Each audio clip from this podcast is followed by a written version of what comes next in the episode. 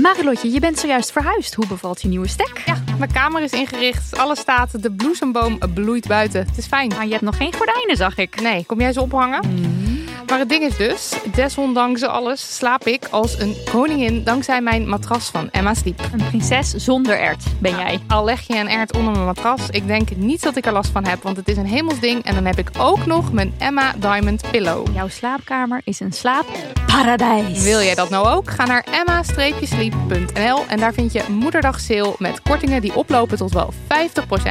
En met de code DAMNMONEY aan elkaar eh, komt daar nog eens 10% extra korting bovenop. Van het koude Nova Zembla naar het warme Suriname en van Rembrandt naar Judith Leister. Ik ben Hubert Totan en in de podcast In het Rijksmuseum praat ik met specialisten over de verhalen achter mijn favoriete kunstwerken. Nieuwsgierig? Beluister nu de nieuwe afleveringen. Hallo, witte scholen en andere luisteraars. Welkom bij Damn Honey.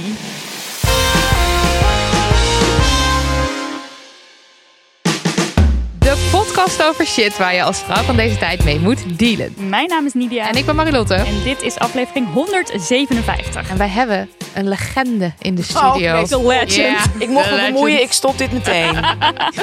het is al te laat, het is al gezegd. Eh, ze zet sinds jaar en dag ongelijkwaardigheid op de kaart op allerhande manieren. Bijvoorbeeld door te schrijven. Want jullie kennen natuurlijk allemaal het boek De Bestseller Hallo Witte Mensen wel.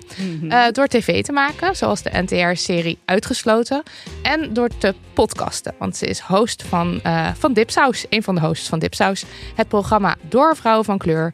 Voor vrouwen van kleur en iedereen die geïnteresseerd is in een ander geluid. Nowadays woont zij met haar gezin in New York en werkt ze als producent in de documentaire filmwereld. Maar ondertussen knalde ze er alsnog een boek uit genaamd Hallo Witte Scholen. Met ondertitel Klasse heeft ook een kleur. En daar komt ze vandaag met ons over praten. Het is Anousha Nzume. Hey. Hey, welkom. Wow. Nou, nou, nou, wat een... eh, Wat een rit, hè? Wat een rit. Maar heel eventjes iets, eh, iets anders dan het boek waar je nu over komt praten.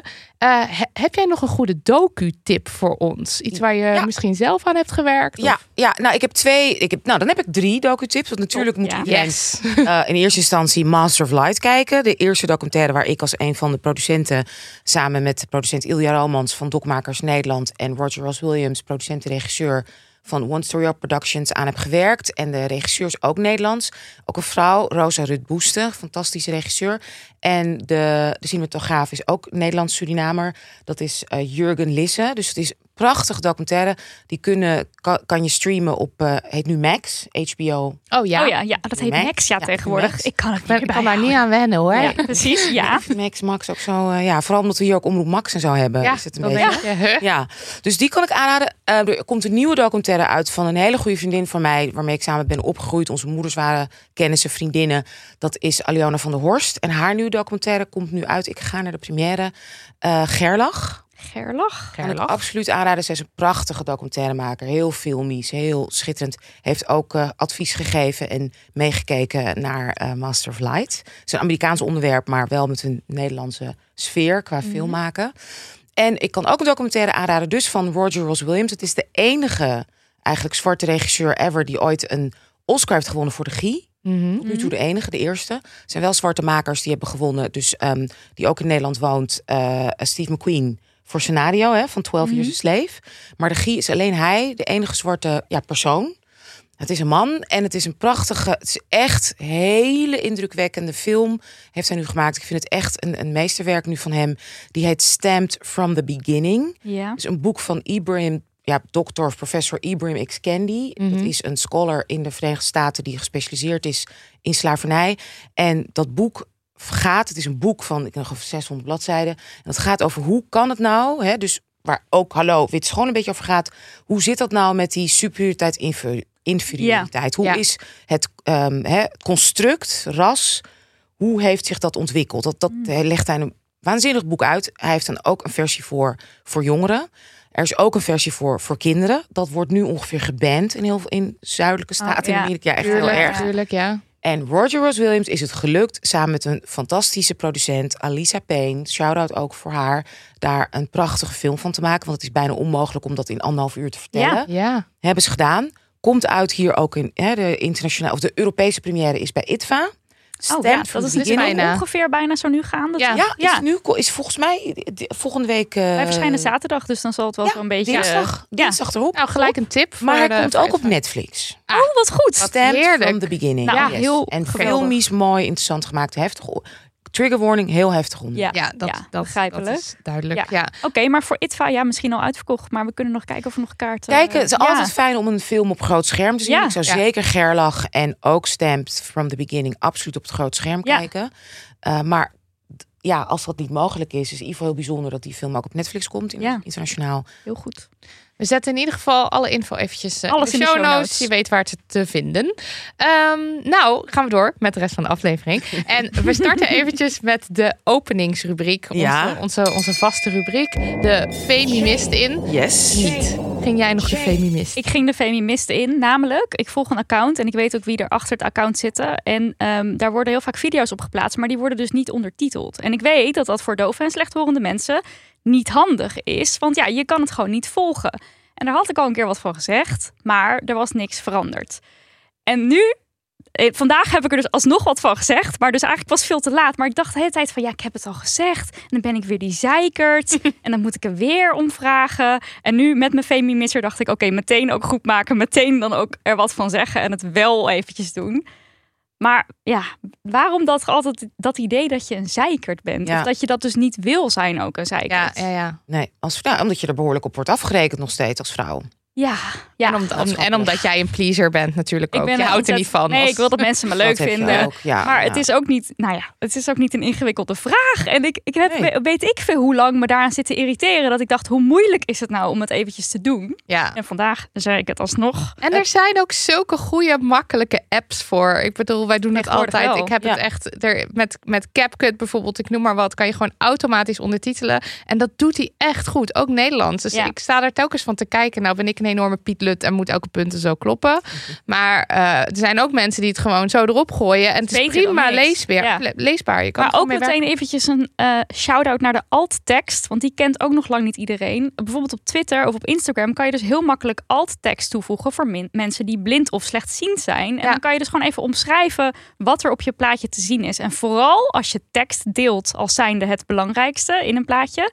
Dan deel je dus eigenlijk iets wat mensen die blind of slechtziend zijn gewoon niet meekrijgen. Dus voeg dat even toe.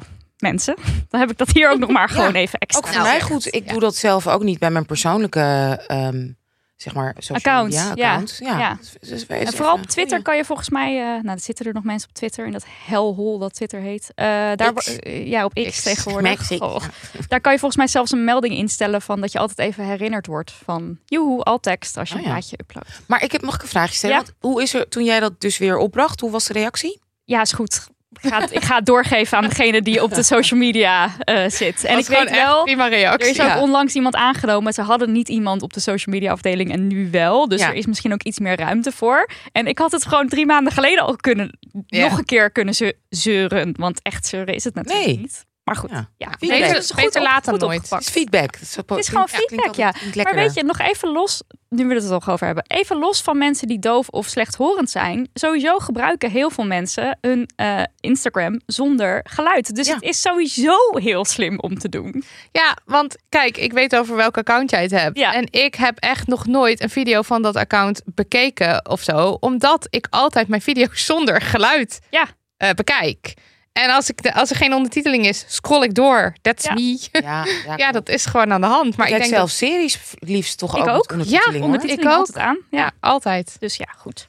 Eh Marilot, heb jij ook nog wat? eh, Ik heb ook nog Op te wat. biechten? Uiteraard, uiteraard. Ehm, wij waren een, eh, een, ja, wat is het? Een aflevering aan het opnemen van onze bonuspodcast. Ja. Je doet het er maar mee. Nou, dan zetten we de aflevering aan en na een half uur de aflevering uit. Dat gooien we online. Dat is voor de mensen die ons eh, geld geven. Ja, donateurs? onze donateurs. En eh we hadden een, eh, een, een vrij volle aflevering, want er was van alles gebeurd. En we waren aan het praten over een schietpartij die bij ons, of bij mij, in de straat was gebeurd. Daar was niemand bij gewond geraakt, maar het was een, eh, een enorme happening in de Ja. straat. Het bracht de mensen samen. Het bracht de mensen Nog samen. nooit met zoveel buren staan kletsen. Ik vond het echt een hele leuke dag. Het begon erg, het begon erg spannend. Maar toen ik eenmaal door had dat er, vrij weinig was gebeurd qua dat mensen gewond waren of zo, was ik wel van, oké, prima. Leuk. Kun je er ook Eh, echt lekker van genieten. ja, kan je lekker van. Is Leuk. iemand dood? Nee, oké. Oh, ja. let's Dan go. kunnen we ervan. Let's Ja, go. het was vreselijk. Sorry. Ja, eh, dat is. eh wat ben ik? Ja. Eh, en toen, maar wat ik dus gewoon heel leuk vond, was dat buurtgevoel. Eh, dat je met mensen gaat kletsen die je nog nooit hebt eh, gezien. En opeens eh, herkende ik mensen. En eh, je hoorde ook iedereen zo praten. Iedereen dingen vertellen over wat ze dan wisten. Zodat we samen zo de puzzelstukjes in elkaar legden van hoe dit, hoe dit dan gebeurd was. Ehm, en ik was daarover aan het vertellen in de bonuspodcast. En ik hoorde mezelf zeggen: Ja. En toen was er een, eh, een man in een scootmobiel en die was dit en dit en dit aan het vertellen. En nou, toen maakte ik het verhaal af. En toen zei Nidia aan het eind van de bonuspodcast: Waarom zei je eigenlijk dat hij in een scootmobiel zit? En toen dacht ik: Ja, waarom denk ik, waarom zeg ik dat eigenlijk? Hoezo? In eerste instantie dacht ik: Ja, voor het, voor het volledige beeld. Maar hoezo? Wat maakt het uit? En ik denk dus wel echt dat daar een validistisch randje aan zat. Dat ik het nodig vond om te benoemen dat deze meneer eh, in een scootmobiel zat, terwijl dat er verder voor het verhaal niet toe deed. Het was niet dat zeg maar eh, alle undercover agenten eh, gebruik hadden gemaakt van zijn scootmobiel of zo. Ja. Zeg Nee. maar, het was niet een belangrijk onderdeel van, de, van het verhaal. Dus ik denk dus dat ik dat toch benoem om een soort, ja, ik weet niet. Ja? Valid, het is validisme, denk ik. Het is een vorm validisme. Ja, Ja. Het, is ook, het is wel ook visueel misschien. Dat je iets, nou ja, excuus visueel wil maken. Maar goed, dat doe je ook niet met die had blond haar. Of die Nee, had of- zo'n lange jas aan. Of een kort jakje. Nee. Of ja, ja. Nee, tenzij het echt heel Ja. erg opvalt. Nou, blijkbaar viel, dat, viel die scootmobiel mij zo erg op dat ik het nodig vond om te benoemen. Eh, ik vond het wel weer eventjes eh, confronterend dat ik er niet, ook niet, ik moest echt eventjes. Ik viel volgens mij ook lang stil toen jij dat vroeg. Waarom zei je dat eigenlijk? eigenlijk? Dus eh, ja, nou, bij deze eh excuus en ik zal erop letten. En jij, Anousha? Ja, ehm, eentje zit ik me af te vragen of ik hem moet vertellen. Want het gaat wel over, over de pers in Nederland. is altijd heel erg lastig. Dus misschien vertel ik jullie dat gewoon als we met z'n drietjes hierna eh Ja. eh, na zitten hebben. Eh, Roddelen laat zit. Heerlijk. Even rollen over over de pers. Nee. Maar eentje kan ik wel, ja, kan ik rustig delen. Het is gewoon echt, gewoon echt interessant dat ik, terwijl ik dus weg, onderweg hè, dus moest inpakken naar Nederland, laatste dingen regelen, nog ook wat zakelijke dingetjes regelen, nou, eh, outfits voor eh, de hele boektour en weet ik veel en alles, eh, toch ervoor zorgde. Echt heel truttig dat het hele huis keurig netjes achterbleef. Kattenbakken verschoond. Waterbak van de kat verschoond. Alle planten helemaal netjes. Al mijn was gedaan, zodat niet nog mijn vieze stinkwas nog in de mand lag. Zodat mijn partner dat niet hoeft te doen, dat de kinderen er geen last van hebben. Ook alles alweer opgehangen en in de kast. Dat het niet, ook omdat ik weet van ja, dan knallen ze dat ergens op de grond. Weet ik veel. Dus het is ook control freakness. Deels. Ik wil het gewoon goed, weet je, dat ik gewoon weet, eh, niemand zit aan mijn spullen. Heeft er ook mee te maken. Maar absoluut zit er ook een feminisme, feministisch randje aan. Ja. Dat ik het huis keurig netjes. Ja, ja, ja. ja. Het netjes Ja. voor ze achterlaten. Netjes. We alles zullen het dus orde. zelf doen. Ja, Ja. ja. Ja, echt heel erg. En dat heeft natuurlijk bij mij, ik heb natuurlijk over nagedacht, wat is het nou? Heeft mij ook heel erg bij eh, mee te maken. Ik schrijf het ook heel kort in, in Hallo Wit School, heb ik het ook kort over. Dat ik ben heel feministisch opgevoed. Ja, jouw moeder, Ja, sorry, mijn maar... moeder, mijn Oh, oma. mag ze in de podcast, want ja. Ja. je leest dit boek en je denkt, kom Ja. hier, ik wil Ja, alles, dus- ik wil met je praten. Ja, echt heel feministisch opgevoed. En Rus, vrouwen in Rusland verdienden hetzelfde vanaf zeg maar, de revolutie. Allemaal hetzelfde, maar deden ook alles in huis. ja. Alles. Ja. Ja. Alles. Dus mijn oma, die letterlijk directeur was, drie keer zoveel verdiende als mijn opa, eh, zorgde, ging er ook helemaal plat op dat het hele huis helemaal alles keurig en weet ik van geweldig Ja. dat ze dat dan ook deed. Ook Dus nog gewoon Ja. een dubbele voltijdbaan. eh. Yep. En zo ja. ben ik ook echt opgevoed. Ja, Oh, dat dus- heb je dan ook weer meegekregen. Ja. Dus Ja. daar is de, is de zorgwerkverdeling waarschijnlijk nog wel heftiger dan eh, in Nederland misschien dan. Heftiger. Ja, Ja, heftiger. Heftiger, maar ook, beter betaald. ook, Ja. ook betaald werk. ja, ja, ja. Ja. Oh, oké, ja. Wat, wat gebeurde er? Nee, niks. Ik zat er gewoon na te denken. Dat is heel veel werk, Dat is ik. heel veel werk. Ja, Ja, dat is heel veel werk. En de, Ja. bedoel, de, de, ja, de, de levensverwachtingen sowieso in Rusland zijn niet zo hoog. Het is Nee. een ongezond leven.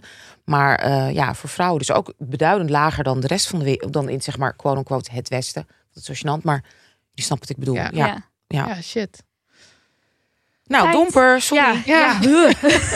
Tijd voor post, zou ik willen zeggen. Ook niet echt een heel gezellig bericht, Nee, maar wel belangrijk. tijd bericht. voor post. Ja. post van eh, Willemijn, Lieve, Nidia en Marilotte. En dan Hier en Anousha. Ja. Hier een poging om mijn verhaal kort en bondig op te schrijven, zover dat lukt met een long-covid brein. Oh. Op 1 april 2021 ben ik ziek geworden door het COVID-virus. Ik was toen 26 jaar, rende met gemak 10 kilometer, deed aan bootcamp en werkte 40 uur per week als biomedical engineer. Ik was jong, fit en viel volgens het kabinet niet onder de risicogroep. Vaccinaties waren alleen nog beschikbaar voor zorgmedewerkers.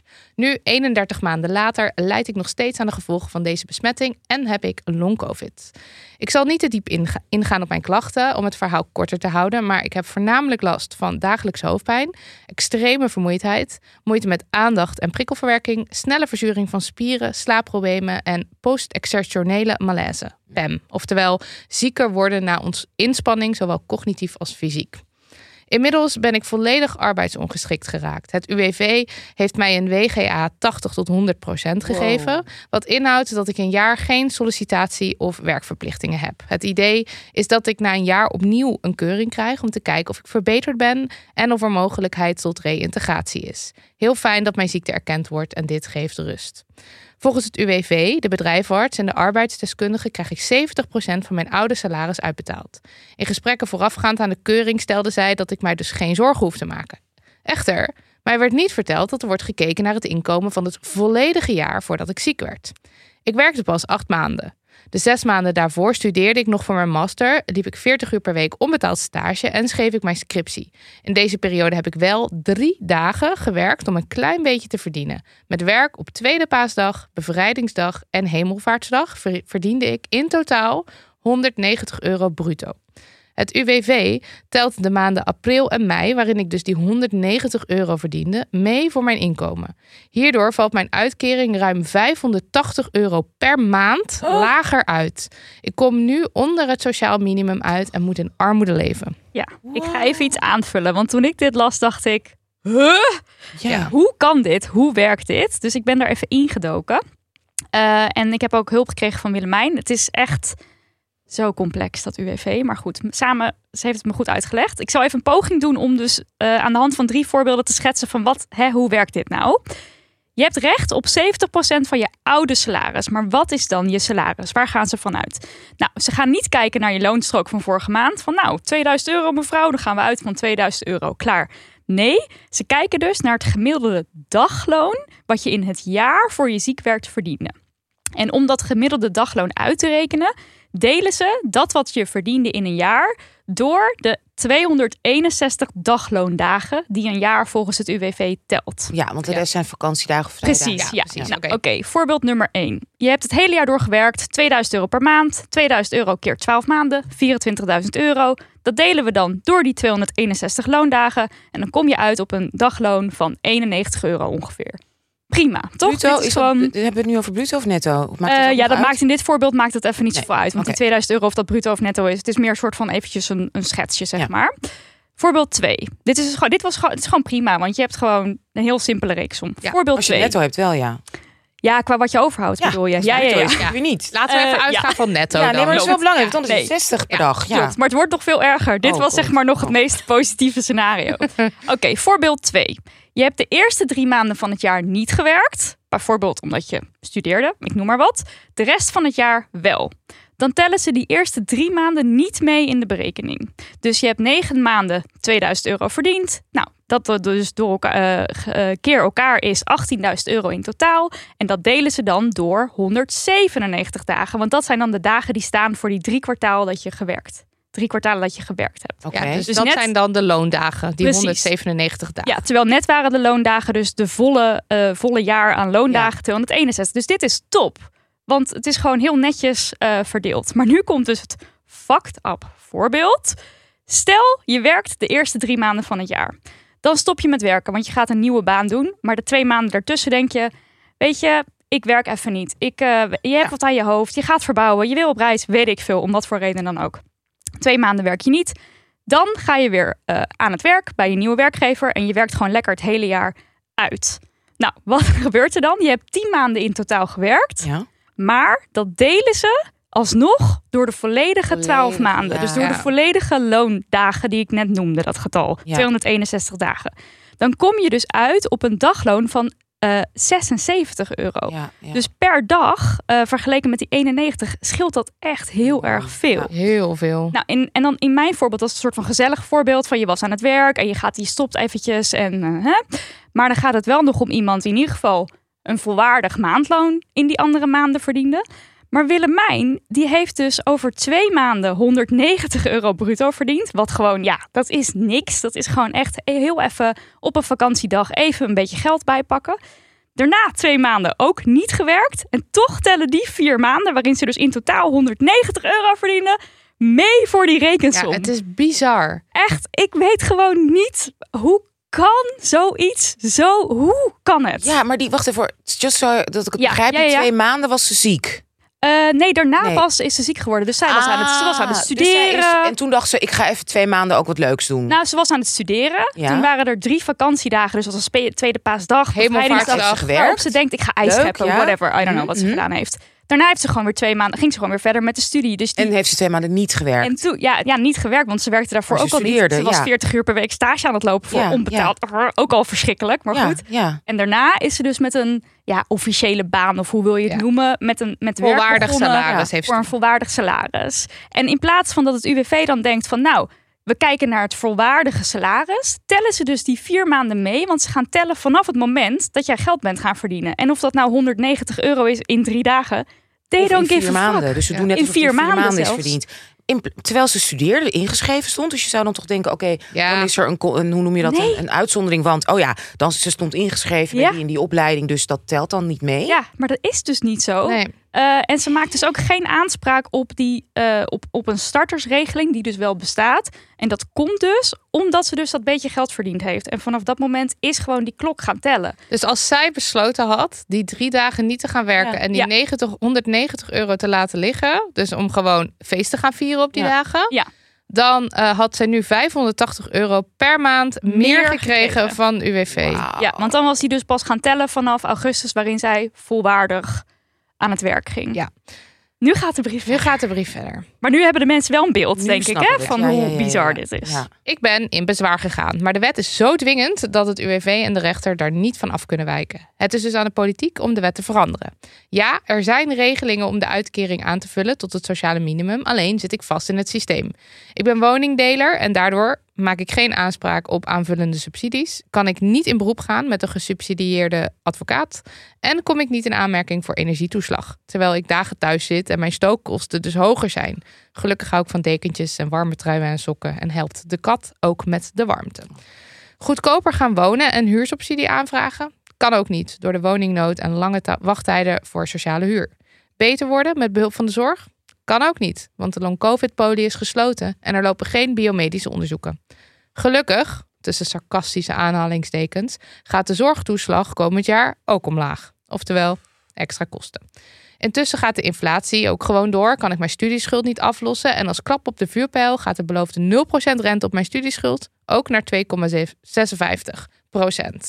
Ik snap dat er wet en regelgeving moet zijn en vind het ook terecht dat werken moet lonen. Maar ik kan nu niks.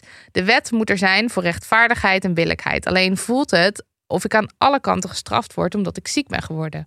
Ik bouw daarnaast ook niet aan een pensioen en door het lage inkomen word ik nog meer geïsoleerd van de samenleving. Het enige wat ik en alle andere ernstig beperkte long-covid lotgenoten kunnen doen, is ons online uitspreken. We hebben letterlijk de energie en kracht niet om van onze banken af te komen en in Den Haag te protesteren. Ik hoop dat er met de komende verkiezingen een nieuwe minister van Volksgezondheid, Welzijn en Sport komt die long-covid wel serieus neemt. En een nieuwe minister van Sociale Zaken en Werkgelegenheid die die de knelpunten in de wet rondom arbeidsongeschiktheid gaat aanpassen. En nog een feministisch dingetje. Van alle long-covid-patiënten is wereldwijd 70% vrouw. Ik vraag me dan af, wat als 70% man was geweest? Waren de polies dan ook gesloten? Werd er dan ook zo weinig geïnvesteerd in bio- biomedisch onderzoek? Werd het merendeel dan ook afgewimpeld met... is het niet gewoon een burn-out? Ga maar naar de psycholoog. Ook ik kreeg te horen van een vervangend huisarts, 60 plus, man, wit. Ja, maar meisje, je bent te jong en je bent hoogopgeleid. Ervaar je geen stress? Speelt er niet meer? Nogmaals dank, voor, dank jullie wel voor jullie aandacht voor dit onderwerp en alle andere goede dingen die jullie doen. Ondanks de vele uren in mijn bed of bank heeft jullie podcast mij vaak door de saaie dagen doorgeholpen. Heel veel liefs. Willemijn Duivenvoorde. En daarna had ze nog een PS met talloze tips voor mensen die zich meer willen verdiepen in het onderwerp. Dat waren Insta-accounts en boekentips en podcasttips. Uh, en die zitten we allemaal in de show notes. Wil je hier meer in verdiepen? Ja. Ik vind het echt Wow, weer zo ja. vreselijk. Ik weet dat het zo in elkaar zit hoor. Ja. Want we schrijven een, eh, een boek over ME. ehm, of eigenlijk over het leven van Annika Mel. En die heeft ME. Wij schrijven haar verhaal op. Want Ja. zij heeft daar dus letterlijk de energie niet voor. Het is te ziek, ja. En eh, dit horen we dus de hele tijd. Ehm, dat het UWV... eh, het, Nou ja, wat het nog is, want, ze, want eh, Willemijn schrijft dat ze, dat ze rust heeft gekregen, dat ze dus die 80-100% stempel heeft gekregen. Ja, Heel veel Ja. ME-patiënten hebben dat niet gekregen. ME is eh, al jaren ook een enorm probleem. En ME en COVID zou je aan elkaar gelijk kunnen stellen. Hè? Ook experts die dat zeggen, omdat de klachten ja, vrijwel overeenkomen. Maar ME wordt gewoon niet erkend door mensen. Dus UWV-artsen die zeggen tegen mensen met ME, die precies die klachten hebben van Willemijn. Ja, jij kan prima nog twee dagen achter de lopende band eh, simpel werk doen. Terwijl dat is niet waar. En die mensen krijgen dan dus ook veel te weinig geld. En er zijn zoveel vooroordelen over Ja. mensen in armoede, Ja. mensen die een uitkering krijgen, mensen die in de bijstand zitten. En dit zijn de fucked up verhalen die erachter schuil gaan. Het Ja. is echt schandalig. Weet je hoeveel stress het je oplevert als, je, als je je zorgen maakt over geld? Ja. Sorry, maar Oh, ik kan me daar echt... Ik lees dit al en dit is dan iemand die is, die heeft denk ik dan geen kinderen en heeft nog niet een heel... eh, heeft ook nog al die grote verplichtingen in het leven niet. En ik lees dit al. Ik kan me hiermee identificeren en ik raak al helemaal... Helemaal eh, Tuurlijk, ja. Helemaal gestrest. Ja, maar wat, wat, ik, wat voor mij ook helemaal nieuws is, is dat de long-covid-polies zijn gesloten. Ja, tenminste, dat, dat, dat was een paar weken, maanden geleden wel in het nieuws. Dat dat niet meer. Ja, het wordt niet meer.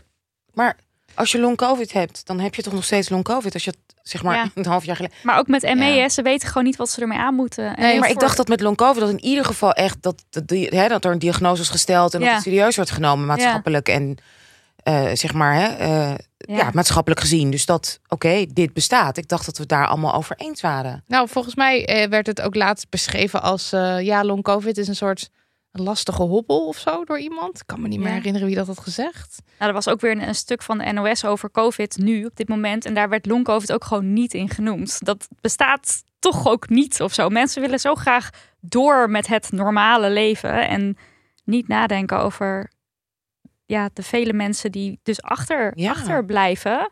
Maar dus ook financieel gewoon totaal in de kou gezet worden. Maar even, dit systeem. Zeg maar voor mensen, en dan zeker als het gaat over mensen met, eh, met onbegrepen of on- onzichtbare klachten, zeg maar. ja. Eh, dit, dit hele systeem houdt toch rijke mensen rijk. Ja. En maakt arme mensen armer. En Ja. ik zat inderdaad te denken, dan heb je al de loonkloof.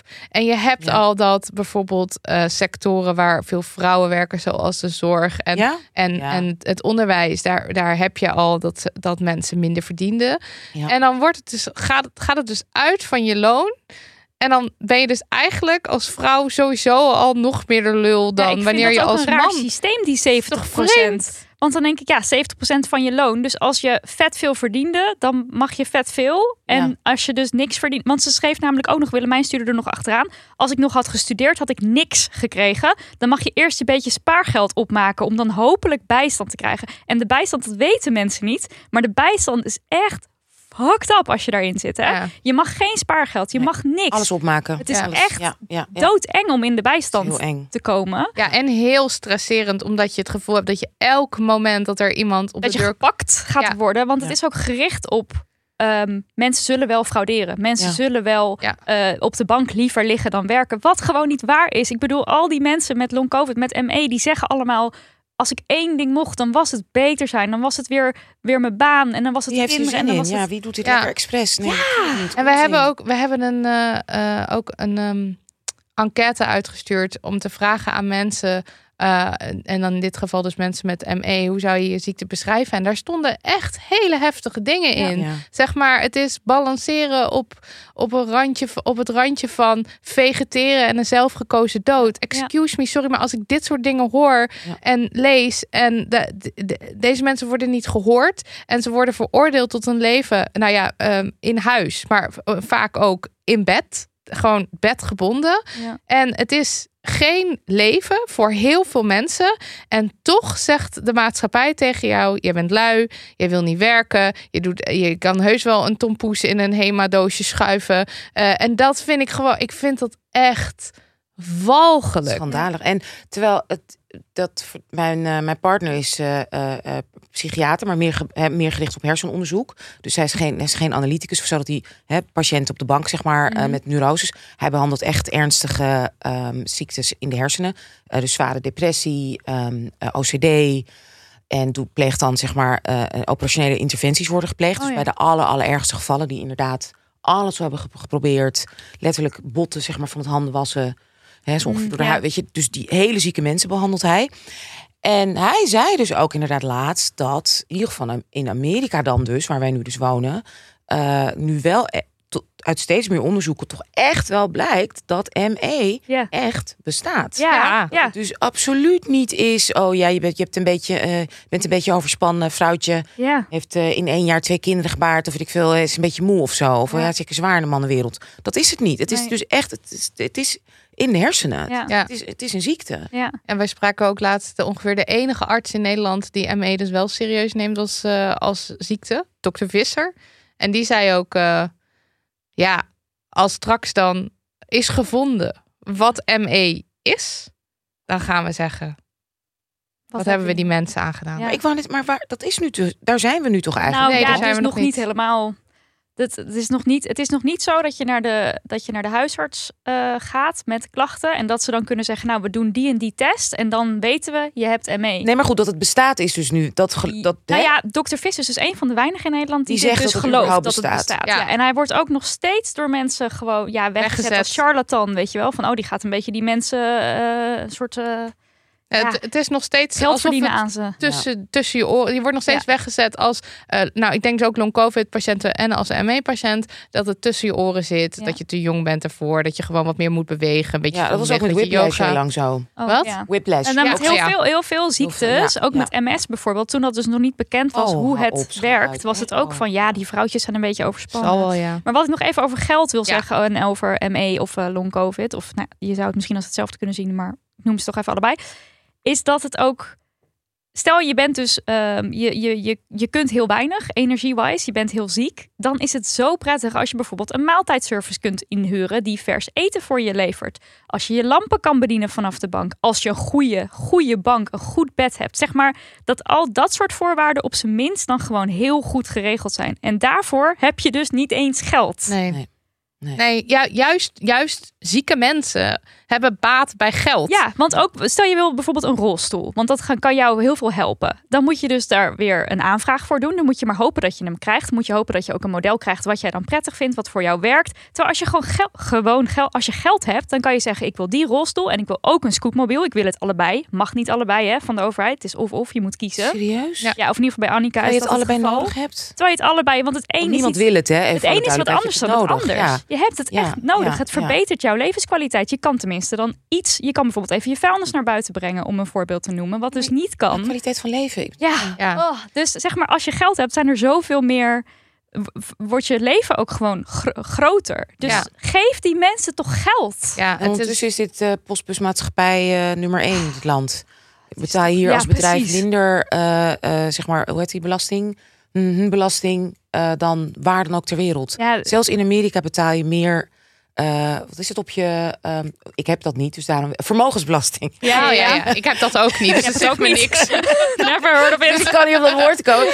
Maar hier betaal je dus minder vermogensbelasting Ja. dan in, In een van de meest kapitalistische landen ter wereld, waar je echt fucked bent als je, hè, quote unquote, arm, ik vind het vreselijk woord, maar je snapt wat ik bedoel, Ja. als je minder hè, onterechte terechte inkomen hebt. Ja.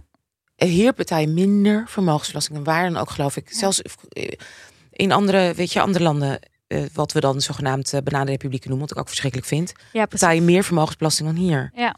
Dus dat, die is iedereen welkom. Zit hier je postbus, hè, postbusje meneer. En je hoeft niet eens een kantoor te hebben, niks. Je betaalt minder belasting. Dus Ja. ik geloof U2 heeft, is ook Oh, ja, ja, dat ja. hij heeft. Ja. Rolling Stones, weet ik veel. Allemaal geweldig. Maar dit, terwijl als we gaan kijken kosten baten, wat wat kost dat in echt. principe nou dat je dat een Geef die mensen geld. ja, Maar ook, geef ze verdienen. En we hebben er allemaal ook belasting ook. ook voor betaald in de tijd Ja. dat iedereen dat, dat je wel werkte Ja. en je ouders en je familie. En ook, wa- wat, wat, zeg maar, al die mensen die je dan nu betaalt om zeg maar mensen te pakken die in de bijstand zitten. Precies, dat denk ik ook altijd. Allemaal weg. En die geef je dan Of zet ze op die, eh, Ja, zet ze op precies. die postbusjes. Die geef, ja, precies. Zet ze op de postbus of zet ze op de plek waar ze gewoon mensen die ziek zijn geld kunnen geven en kunnen vragen wat ze nodig hebben. ondersteuning. Ja. Mijn god. En eh, ja, ja, ja uh, nou goed. Ik ben Nou, Willemijn. Ja, nee, snap ik. Ja. En als je dan dus, dus ook, dus als jij dus bijvoorbeeld echt hè, de pech hebt en je bent in de bijstand en je erft bijvoorbeeld geld, dan moet je dus ook dus belasting dan, hè, Ja. dus je familie of je ouders voor wie het erft hebben al belasting betaald, dan moet je nog een keer daar belasting over betalen boven een bepaald bedrag en dan moet je het eerst opmaken Ja. voordat je dan weer, snap je dus, Ja, ja, ja. you're fucked. Ja, is ja. echt- het is een heel, heel streng, heel naar. Ja. En dan eh, toch nog heel eventjes over dat wantrouwen en eh, dat mensen die ziek zijn, dat die niet willen werken. Dat is niet zo. Ik geloof dat niet. We hebben het hier volgens mij wel eens vaker over gehad. Er zullen ongetwijfeld uitzonderingen zijn. Maar dan nog, geef die mensen dan ook geld. Wat maakt het uit dat er af en toe Precies. iemand Maar tussendoor glipt die gewoon echt geen zin heeft om te werken? die persoon Laat niet die werken. mensen- Maar ik dacht dat we in Nederland dat, dat we in Nederland wel ongeveer hè, de kant op gingen van een basisinkomen. Ja. Zodat je nooit geen gezeik, geen gedoe, whatever, klaar. Basis, dan is dit toch allemaal opgelost. Ja. Ja, ik heb dat, wel, ik heb dat Is dat- gevoel wel echt niet. maar dat Nee, komt meer, het ook meer echt Is het wel eens doorberekend? Weten jullie dat? Is er wel eens, zijn er wel eens economen die dat hebben uitgerekend? Want Geen Ik- idee. er zijn zou dat niet kunnen zeggen. stroom misschien interessant om eens uit te Ja. zoeken. Want volgens mij schijnt het uiteindelijk de maatschappij, ja, misschien ben ik te positief, meer, minder te kosten. Ja, er zijn in ieder geval wel onderzoeken gedaan op, Ja. op groepen van duizend mensen of zo, die dan zo'n eh, som geld per maand gewoon kregen. En dan maakt het dus niet uit of je meer of je erbij verdiende. Of, Nee. Want dat denk ik ook, weet je. Dan zit je in de bijstand. Maar je kunt eh, omredenen. Hè? Dus het lukt jou niet om fulltime aan het werk te gaan. Maar je bent iemand die wel af en toe, weet ik veel, iets een mooi schilderij maakt. Ja. Als in dat lukt. En dat mag je dan niet verkopen. Nee, mag je niet verkopen. Want je mag er niet aan verdienen. Terwijl je dus, dus de talenten die jij nog wel kan gebruiken binnen jouw range die je hebt, die mag je niet inzetten. Nee, ik, ik ben echt voor een basisinkomen. Volgens mij zelfs in de Verenigde Staten zijn er plekken waar ze dat hebben Ja, volgens mij ook. uitgeprobeerd. Waar het succes is. Misschien is dat interessant om Ja. daar eens even Oké, naar te kijken. stel we doen. kunnen hier de eh, artikeltjes en dingen over vinden, dan zullen we die Show in de show notes. Dit is geen sponsortijd. Nee. Want we hebben helemaal geen sponsors deze week. Maar wel twee shout-outs. En shout-out nummer 1 gaat naar onze eigen theatershow zelf weten. Woe. We spelen nog één laatste keer een rondje door het land met deze voorstelling over shit waar wij als vrouwen mee moeten dealen. En in deze voorstelling gooien we al onze schaamte overboord en bespreken we dingen waarvan we vroeger dachten: dit mag nooit iemand te weten komen. En we spelen op het moment dat deze podcast verschijnt nog 11 keer. Nog één maand, 11 keer. En een deel daarvan is al uitverkocht. Ja, ja. Hoe leuk, ja. Eh, maar je kunt bijvoorbeeld nog wel naar Tilburg, want daar hebben we een extra speeldag gekregen op 16 november. Of je komt naar Zwolle, naar Texel, naar Haarlem of naar onze allerlaatste show, de Dernière in Amsterdam. En op damhoney.nl slash theater kun je dan de speellijst bekijken en tickets boeken. Na 16 december gaat onze show voor eeuwig de archiefkast in. Dan bestaat die alleen nog maar in onze herinneringen. Dus grijp die tickets. damhoney.nl slash theater. En dan, shout-out nummer 2, gaat naar Peter Boompje. Peter Boompje. Ja. Oké, voor iedereen die graag een kerstboom in huis haalt, maar tegelijkertijd denkt van ja, een kerstboom, die moet jaren groeien om een paar weken in mijn huis te shinen en dan daarna gaat hij de shredder door. Dat wil ik eigenlijk helemaal niet. Zo'n stervend organisme in mijn huis en na 1 januari verdord op straat, alsof het afval is. Nou, voor precies die mensen die precies letterlijk dit elke dag weer denken, bestaat Beter Boompje. Want daar huur je een boom. En na een paar weken breng je hem gewoon weer terug naar het inleverpunt. En dan gaat hij de grond weer in. Ja, dan staat hij dus dit jaar een beetje mooi te wezen in je huis en volgend jaar weer en het jaar daarna weer en het jaar daarna weer. Misschien staat hij wel mooi te zijn in mijn huis. Dat en kan ook. in jouw huis. Het is geweldig. Het is mogelijk. Wij zijn fan. We hebben al meerdere jaren een boompje gehad. En dit jaar zei Beter Boompje, jullie een boom. Wij een shout-out in de podcast. Nou, bij deze. Love you, Beter Love Boompje. you. Eh, ja, ik kan niet wachten tot de mijne weer vol mag hangen met mooie glinsterende dingetjes. Ga naar beterboompje.nl voor meer informatie of volg Beterboompje op Insta.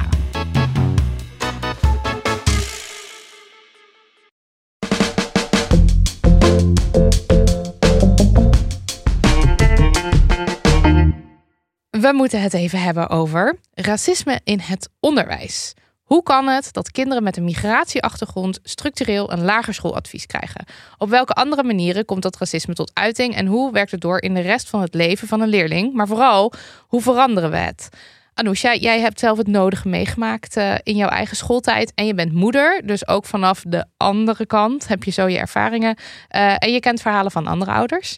En jaren terug, in 2015, maakte je al eens een aflevering over dit onderwerp voor de serie Uitgesloten. Nog te, nog te bekijken. Ja, heb het vandaag nog zitten bekijken. Ja. het werd de best bekeken aflevering van de reeks. En uh, je kreeg er ook ladingen reacties op. Maar inmiddels zijn we acht jaar verder. Ja. En uh, is natuurlijk al die ongelijkheid rechtgetrokken. Uh, en je boek Hallo Witte Scholen is vast een boek met lege bladzijden. Want in Nederland is toch iedereen gelijk. In dit Ja. waanzinnig gave land liggen de kansen toch aan ieders voeten. Toch? Zoals we in de brief al lazen. Ja, Precies. precies. Ja, ja, ja. Ja.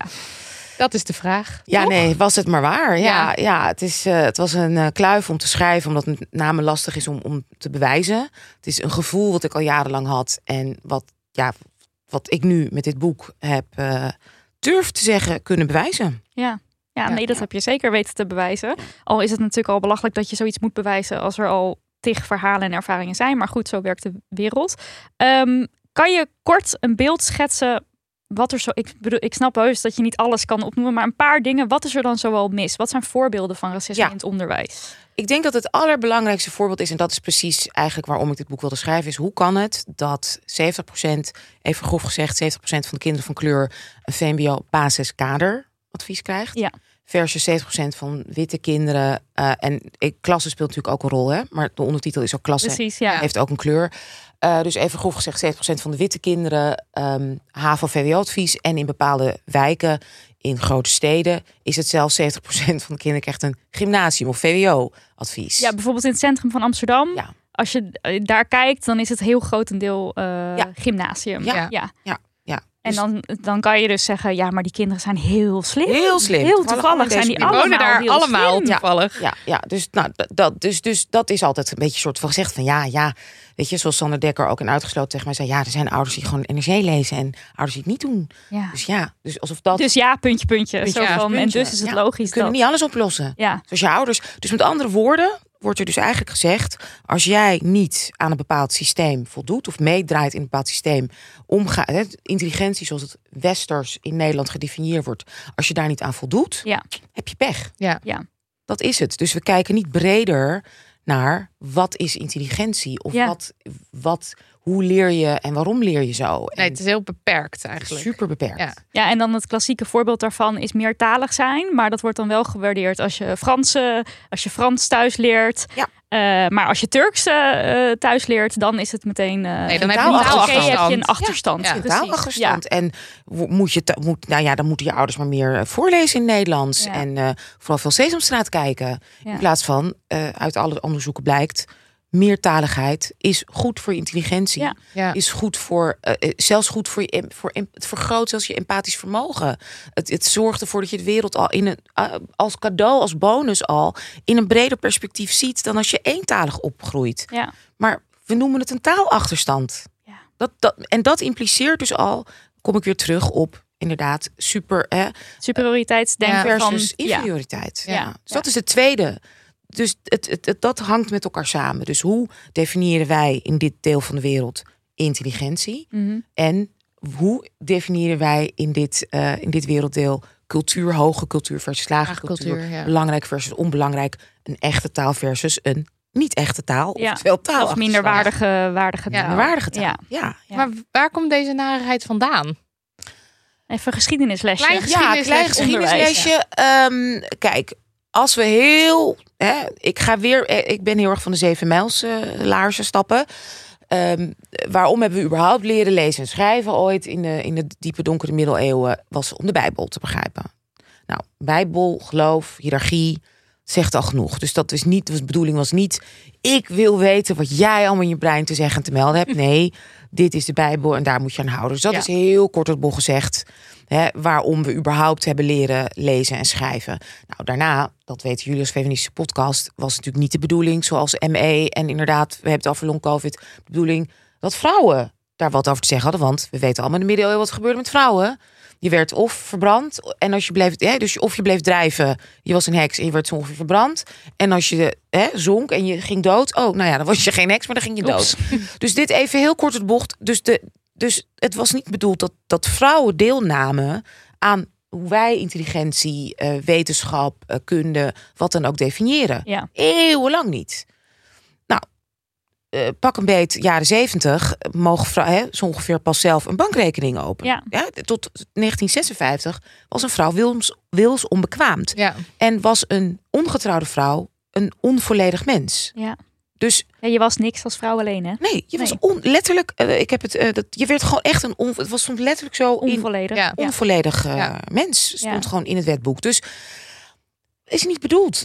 Eh, wij, wij zeggen wel de hele tijd, en dat willen we wel, dat, dat, we, dat, dat eh, onderwijs is bedoeld om ons te verrijken, om ons hè, perspectief te vergroten, om, om, gelijkwaar, hè, om gelijkheid juist te vergroten. Maar in de kern, in de basis, is dat is niet dat zo. gewoon Nee. niet zo. Nou, Nee. neem dan ook nog eens mee. Hallo, we hebben het niet eens over slavernij gehad. En, en mensen tot slaaf maken. En dat inderdaad moeten kunnen ehm, eh, ja, ja, verantwoorden. verantwoorden. Hoe Ja. verantwoord je dat? Nou, door mensen dus minder te maken. Ja, Dus die hele combinatie met superioriteit, dus inferioriteit. eh, mensen van kleur zijn dus quote-unquote minder. Bepaalde talen zijn minder. Want hey, mensen hier werden ge- weggeronseld uit bepaalde landen. En moesten voor veel, nou als je het hebt over inderdaad voor minder geld werken. Minder goede omstandigheden, in slechtere huizen. ja. Bijna moeite werd de familie toegelaten.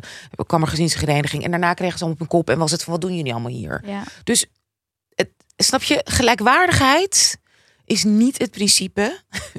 Ook al willen we dat. In dit gave land. waanzinnige land. Ja, van onderwijs. Ja, ja. En is Ja, eigenlijk nergens, maar dus ook niet in onderwijs. Nee, want het onderwijs is natuurlijk ook maar gewoon een weerspiegeling van eh, hoe deze maatschappij in elkaar zit. Dus dan krijg je, nou ja. En ja. in de jaren zeventig is enorm geprobeerd om bredere scholen en om inderdaad meer meerjarige brugklassen.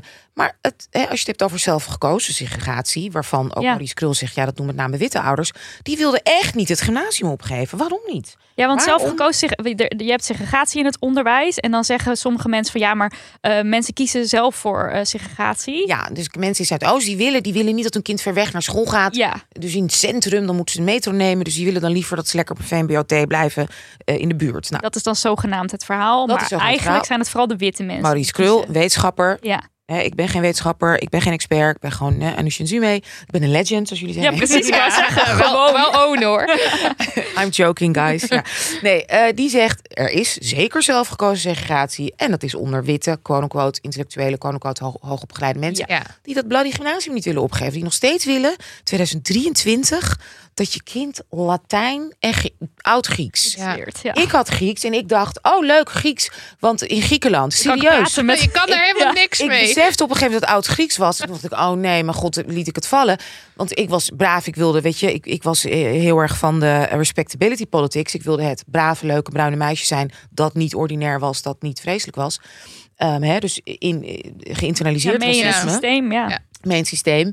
En toen dacht ik, oh nou ja, oké, maar dan voor toneel is het misschien ook wel goed een oude taal. En dat was dus oud-Grieks. Dus ik heb eindexamen gedaan Latijn. Terwijl, daar had niks met toneel Dus we te gaan maken. en met schakelen nu over in Ja. Latijn. Ja, ja dus, de- Nee, god. dus why? Zelfs Ja. geneeskunde. Hoef je, mijn, mijn, mijn partner heeft geneeskunde gestudeerd. Die heeft geen Grieks en Latijn gestudeerd. Ja. Is ook niet meer nodig. Maar moet je ook nagaan wat je in die tijd wel allemaal niet wel zou kunnen leren en doen. En over, over de wereld. En nou ja, goed. Eh, Segregatie in het onderwijs. Op welke manieren zien we dat dan? Nou, met name zo dus. Dat er dus, eh, met name dus vanaf de middelbare school... dat er een gigantische scheiding plaatsvindt. En daarvoor, basisscholen, er zijn gewoon nog steeds... vreselijke term, witte en zwarte scholen. Ja, Dat is in de steden bijna nog, nog, nog, nog, nog heftiger. Er zijn stapjes gaande. Ik heb binnenkort ook een gesprek samen met eh, eh, Cordula, even de achternaam vergeten, maar zij heeft ehm, eh, het boek geschreven, 15 lessen die we van kleurrijke scholen kunnen leren. Zij is een witte directeur van een quote-unquote zwarte school. ja. En vindt, is absoluut tegen schoolsegregatie. En vindt ook dat je witte scholen moet verbieden. Dus ik ben heel erg benieuwd. We gaan gesprek met haar. Ik heb de PDF, ik ga het boek lezen. Eh ben ik heel benieuwd naar. Eh, dus daar is ook nog steeds segregatie. En maar Ja. wat zijn witte scholen? Wat Ja. zijn zwarte scholen? Is daar een soort definitie van? Want, want het, is, het is toch niet zo van hier mogen alleen witte kinderen en als je een zwart kind bent, dan word je expliciet niet toegelaten. Nee, nou, werkt Nee, wacht, eerst even de definitie. En Ja. dan kunnen we kijken ja, naar hoe het kijken ontstaat. precies. Dat, ja. dat, is, dat zijn inderdaad Stapjes. zijn hele interessante stapjes. Ja. De definitie is gewoon heel bot gezegd. Hoeveel kinderen van kleur zitten op een school? Is het boven een bepaald percentage? Boven de 60% laten we zeggen. Ik weet Ja. niet precies wat de definitie... Want het is natuurlijk niet officieel. Want er is geen ongelijkheid. Nee, zogenaamd bestaat het niet. Ja, ja. Ja, ik weet, dus ik weet niet of je dit kan vinden op de website van de overheid. Maar laten we zeggen, vanaf 65% kunnen we zeggen: dit is een zwarte school. Ook al zijn de kinderen van kleur.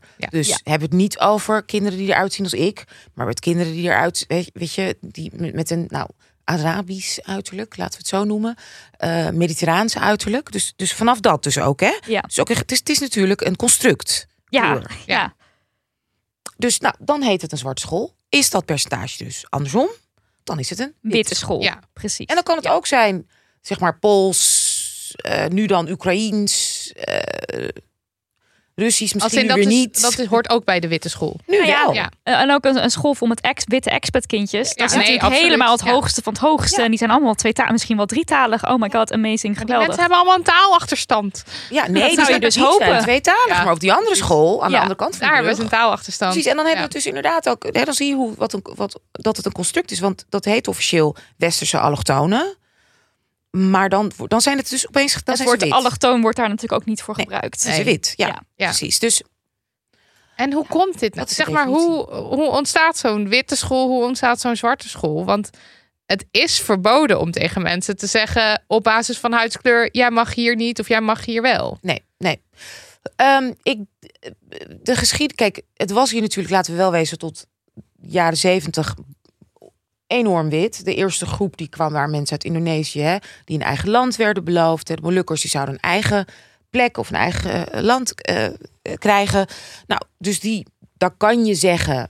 Ik, ik, ik ga nu ook weer met hele grote stappen doorheen. Nogmaals, Nancy Jouwen, er zijn geweldige experts die je daar veel beter over kan lezen dan ik. Maar dat je kon zeggen van, nou weet je wat, die wonen bij elkaar in quote-unquote Molukse wijken, want dit is tijdelijk. Hm.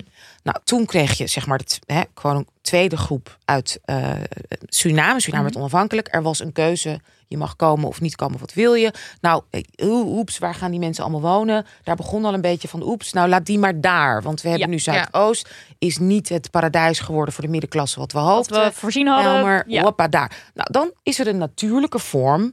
Als jij in Zuidoost woont, dan ga je natuurlijk eh, je kind op loopafstand naar school Ja, in de buurt. Ja. in de buurt. Dus dat is natuurlijk gegaan. Maar wat er is gebeurd, met name zeg maar de, een andere groep, dus toen er mensen kwamen uit eh, om hier eh, voor minder geld Ja, en slechte, voorzieningen te werken, ehm, uit, eh, die we altijd bij elkaar noemen, Turken, Marokkanen, terwijl Turk, Turkije is, zit, ligt deels in Europa, deels in Azië. Marokko is Noord-Afrika, Ja. maar tot dat op één hoop gegooid. Eh, to- totaal, weet je, totaal andere geschiedenis. Ja, Turken totaal andere waren, ko- hebben gekoloniseerd, hebben de hele wereld zo ongeveer gekoloniseerd. Eh, hele andere geschiedenis ook en eigen identiteit als, als je het aan, aan Turkse mensen vraagt. Maar goed, Turken, Marokkanen, Ja. toen die dus kwamen, nou ook in bepaalde wijken, want daar waar, waar was waar nieuwere huizen, slechtere kwaliteit, hup werden daar gestopt naar de tweede hè, jaren 70, jaren 60. Ehm, maar wat gebeurde er? Amsterdam wordt natuurlijk groter. Mensen zoeken woningen. eh, dan gaan mensen steeds meer in de andere wijken wonen, die tot een paar jaar geleden niet zo populair waren. Tja, dan komt een beetje de crux. Wat gaan we doen? Ja. En dan is het, ja, kan hè, kunnen sommige mensen het behoorlijk spannend vinden. Oh mijn god, dan gaat mijn kindje, mijn onschuldige kleine Fleur, Ja. eh na, na een school met, met ja, dat soort kindjes. Kan mijn gevoelige, kwetsbare kindje daar wel zichzelf zijn? Bij harde, pittige, Surinaamse kind. Weet je, Alle voordelen komen, en komen er. Ja. voordelen en stereotypes spelen mee. En, en angst. En Ja. angst voor het onbekende. Nou, als daar niet, ehm, als je dat niet erkent. En gewoon denkt, nou oké, beleid, beleid, postcodebeleid, mag niet meer, dit mag niet, dat mag Ja, want postcodebeleid. Ja, dat Manieren is. zoeken om het te omzeilen. Ja, precies. En- Dus er is een postcodebeleid op een gegeven moment ingevoerd. Als jij daar woont, moet je kind daar naar school. Ja. Dan, dan worden mensen dus gedwongen om een kind op een school te zetten waar ze misschien bang voor zijn. ja. Dus ja, dan ga je andere manieren zoeken om dat, om dat beleid te omzeilen. Bijvoorbeeld bijzonder onderwijs. Er is hier een, eh, je mag hier eh, eh, zeg maar scholen inrichten. Er is hier vrije schoolkeuze. Dus dat is wettelijk was dat heel erg lastig om mensen te dwingen. En goed, openbare scholen, oké, daar kan je dan niet zoveel over zeggen. Maar is Fleur een Montessori-kind? Dan wordt het dan weer makkelijk. Dan kan je kiezen van ja, maar Fleur is Montessori kent. In deze buurt is geen Montessori, dus ik Dus- fiets Ja, de wijk dus uit verder. en Fleur gaat naar Oh ja, Montessori. op zo'n- op manier kan je eronder uit. postcode. Ja. ja. Ja. Dus dat is een voorbeeld. Ja, en die zelfgekozen segregatie die zit hem dus in al die witte ouders die hun witte fleur per se op een school willen met allemaal witte kindjes. Dat niet toegeven, dat niet Ja. Nee, keihard precies. zeggen. Nee, nee, Ja, precies. Mijn kind moet naar een vrije school of mijn kind hoort nu daar. Dat, dat, ja, maar ik werk daar. Or, je, je- hè, ik wil dat mijn kind veilig is. Wat, weet je, wat als je niet erkent wat de angst is, ga, gaat er dus inderdaad aan van. Want er zijn zelfs bijvoorbeeld een school die, eh, hè, als je kijkt op, op de website van de overheid, mag er geen onderscheid worden gemaakt. Maar in mijn boek noem ik voorbeelden van ouders die erachter komen als een grote zaak Ja. in Utrecht, dat er gewoon schaduwlijsten Ja, Ja. bestaan. Dus een school zegt dan van, ehm, nou, als je hè, vanaf vier mag je officieel, nee, vanaf twee geloof ik mag je officieel inschrijven, geloof ik. Of ja, vier gaat een kind naar school, vanaf twee mag je inschrijven, maar wij weten onderling, jij Wij- ik, wij witte ouders. mensen. witte Ja. ouders weten, joh, wat je kan doen, al voordat je kind twee is, ga naar die school. Baby op de arm. Een soort interesselijst hebben ze. Ja. En daar, en daar mag, want op de wachtlijst mag je niet vragen wat de ouders doen, wat het inkomen is, waar ze wonen, weet je. Maar op die schaduwlijsten wel. het wel. Gewoon Ja. Wat, wat is de opleiding? Met andere woorden, zijn jullie ook Montessori-ouders? Ja. Ik heb daar zelf ook aan meegedaan. Want ik wilde mijn kinderen op school bij mij in de buurt. En jij kreeg ingefluisterd van, hé, hey, eh, Ja, een beetje. En niet eens zo shit van zus, maar weer zo van: oh ja, Ja, Weet want je, jij hoorde erbij. Ik jij hoorde er bij die club. Waarschijnlijk bij. Ja. Ik, ik kon natuurlijk vol trots. eh, Ik bedoel, zelf haal ik het gemiddelde natuurlijk omlaag. Kleinkunstacademie. eh werkt in de kunsten. Hè? Maar mijn partner, Ja. oh, oh, weet je, arts, psychiater, AMC.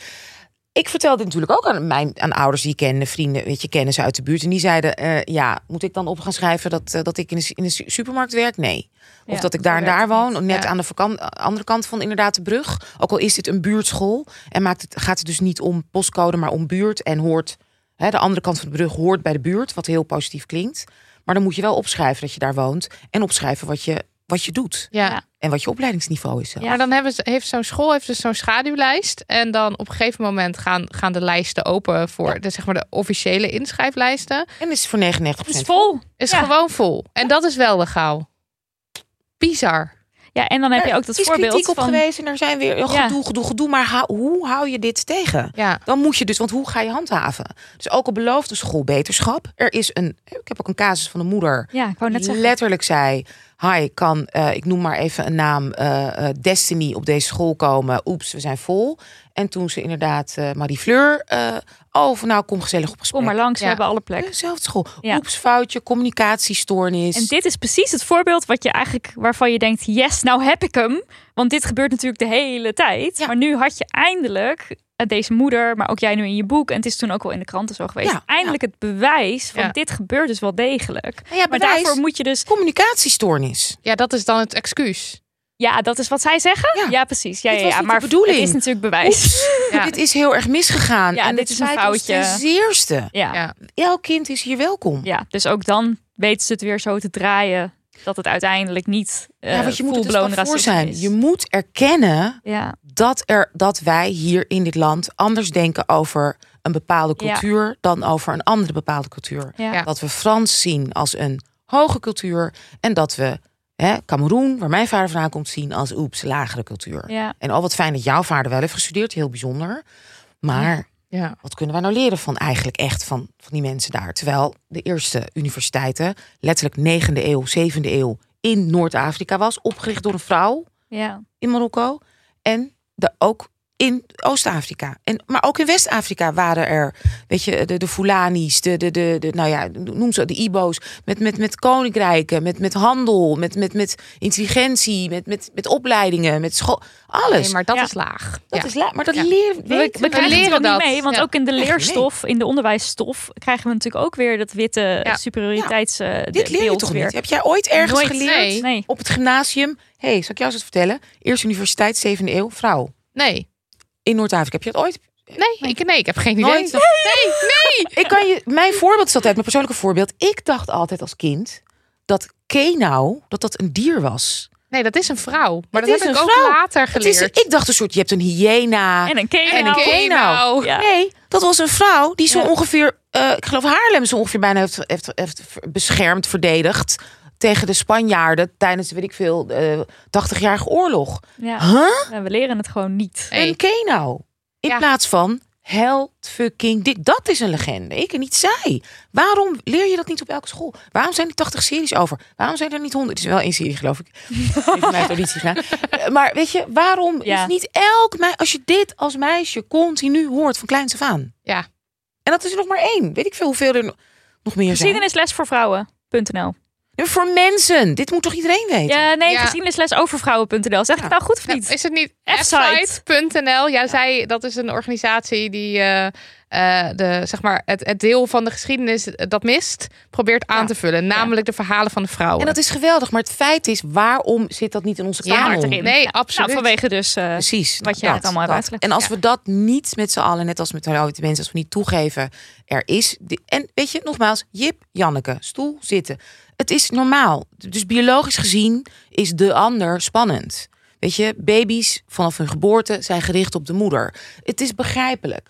Maar we zijn ontwikkeld. Weet je, we stelen ook niet meer, weet je, zomaar een auto omdat we die zo mooi vinden van iemand. Terwijl ik zeg maar wat misschien in het steentijdperk het normaal was om gewoon bam, ik geef je map en ik jat wat ik leuk vind. Weet je, we ontwikkelen ons. Dus dit kan ook. Dus Ja. let's laten Nou ja, en als er ergens- gaan. Als er ergens een taak ligt voor het onderwijs, is het wel om dus te zorgen dat dat als wij allemaal bazaal angst voor de ander voelen, om dat dan dus Tegen in goede banen te leiden en te zorgen dat die angst vermindert voor de ander. Als dat een onderwerp is van. Maar dat is dus eigenlijk dus Nee, niet zo. Verheffing niet. Nee. is eigenlijk dus niet een, eh, zeg maar, wat, wat Een we willen leerdoel. met een leerdoel. Ja.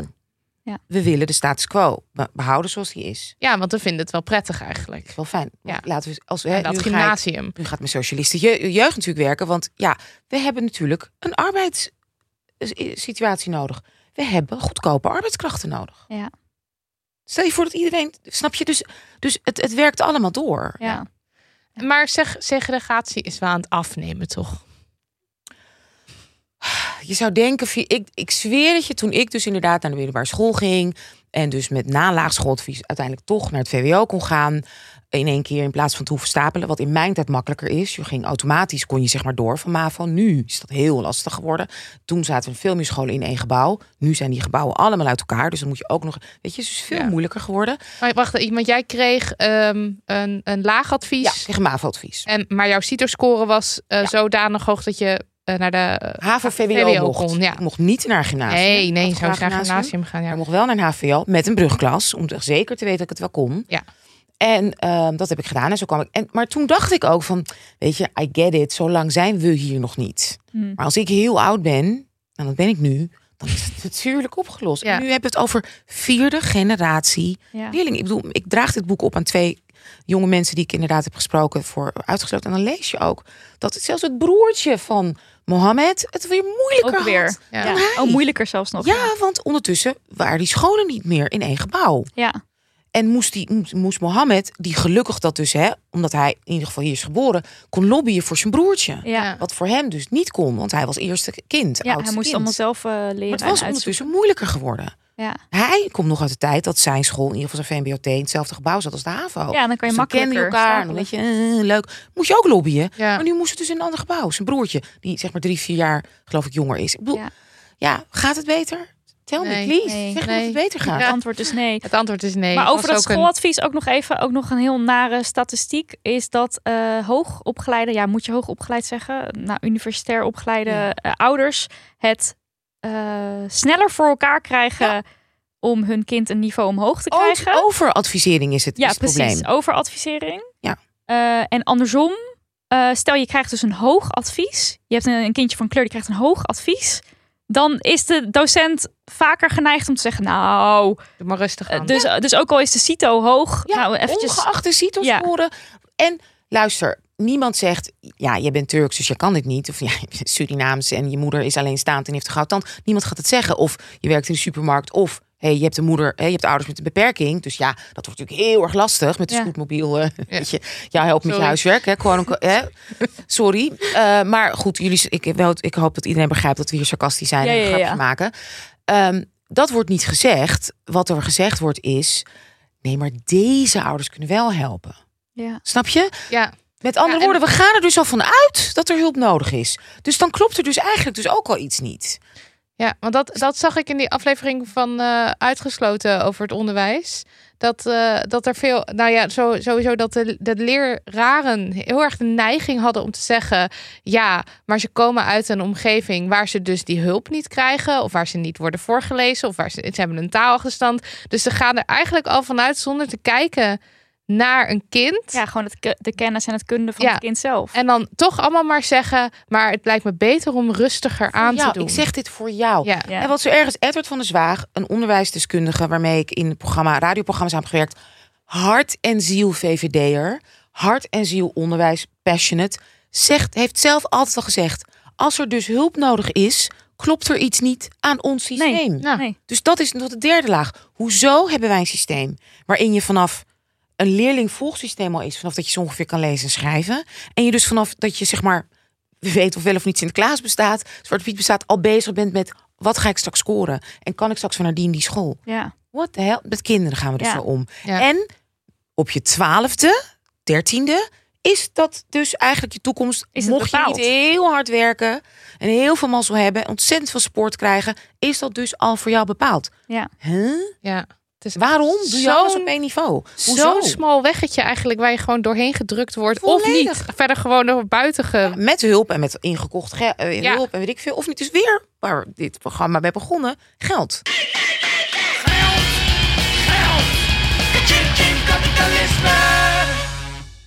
En mijn zoon, weet je, Ja.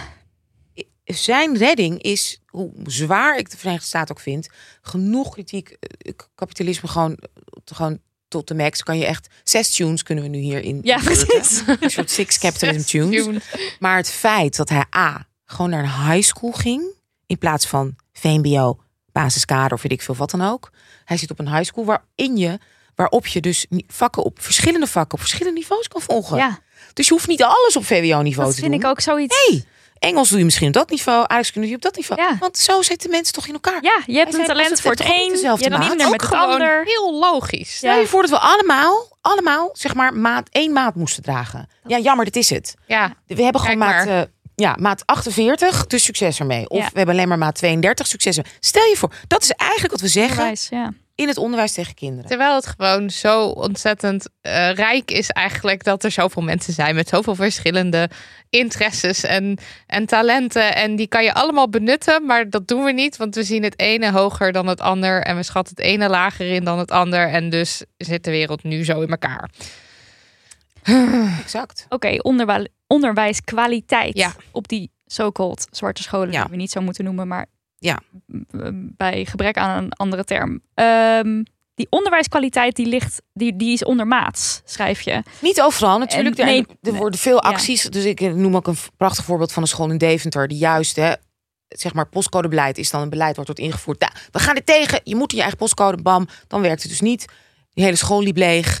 Maar er is toen, zoals we ook al eerder concludeerden, geld tegen aangegooid. Precies, Geïnvesteerd ja. in een goed gebouw. Ja, Weet je wel, geïnvesteerd in docenten. Je moet mensen ook gewoon betalen. Ik bedoel, laten we wel wezen. Gebouw moet goed en veilig en schoon zijn. ja. Maar heb je dus niet die krachten, zit je in een gemeenschap waar, weet je, het is een luxe.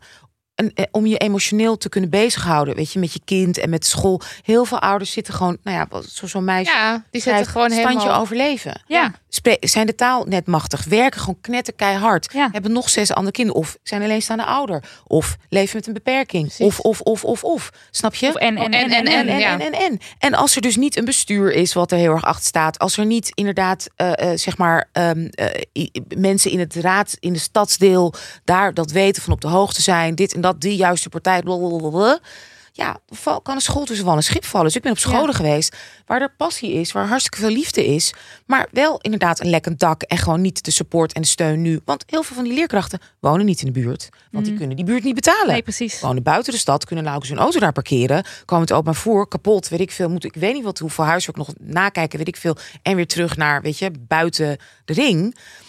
En hebben geen tijd om ook nog zich nog eens in te zetten op de school. Voor de Ja. school. En om te kijken, wat zijn mijn politieke contacten in het staatsdeel. En hoe kan ik daar of daar nog een potje wegdraaien. Ja, want op Dus- het moment dat je dat dus wel hebt, is dat zo geregeld. Is het Als in je moet je ervoor inzetten, maar je regelt het wel met de ja. vingerknipper. En er zijn heel veel scholen waar een vrijwillige, tussen aanhalingstekens, ouderbijdrage is. Ja. Ja. Ook op de school, ik ga de naam niet noemen waar mijn kinderen waren. was onwijs gedoe. Met niet, dat niet iedereen dat kan betalen. Nee, ik weet het nog ook van mijn eigen schooltijd inderdaad. Dat was, eh, ja, dat is gewoon lastig als je dat niet kan betalen.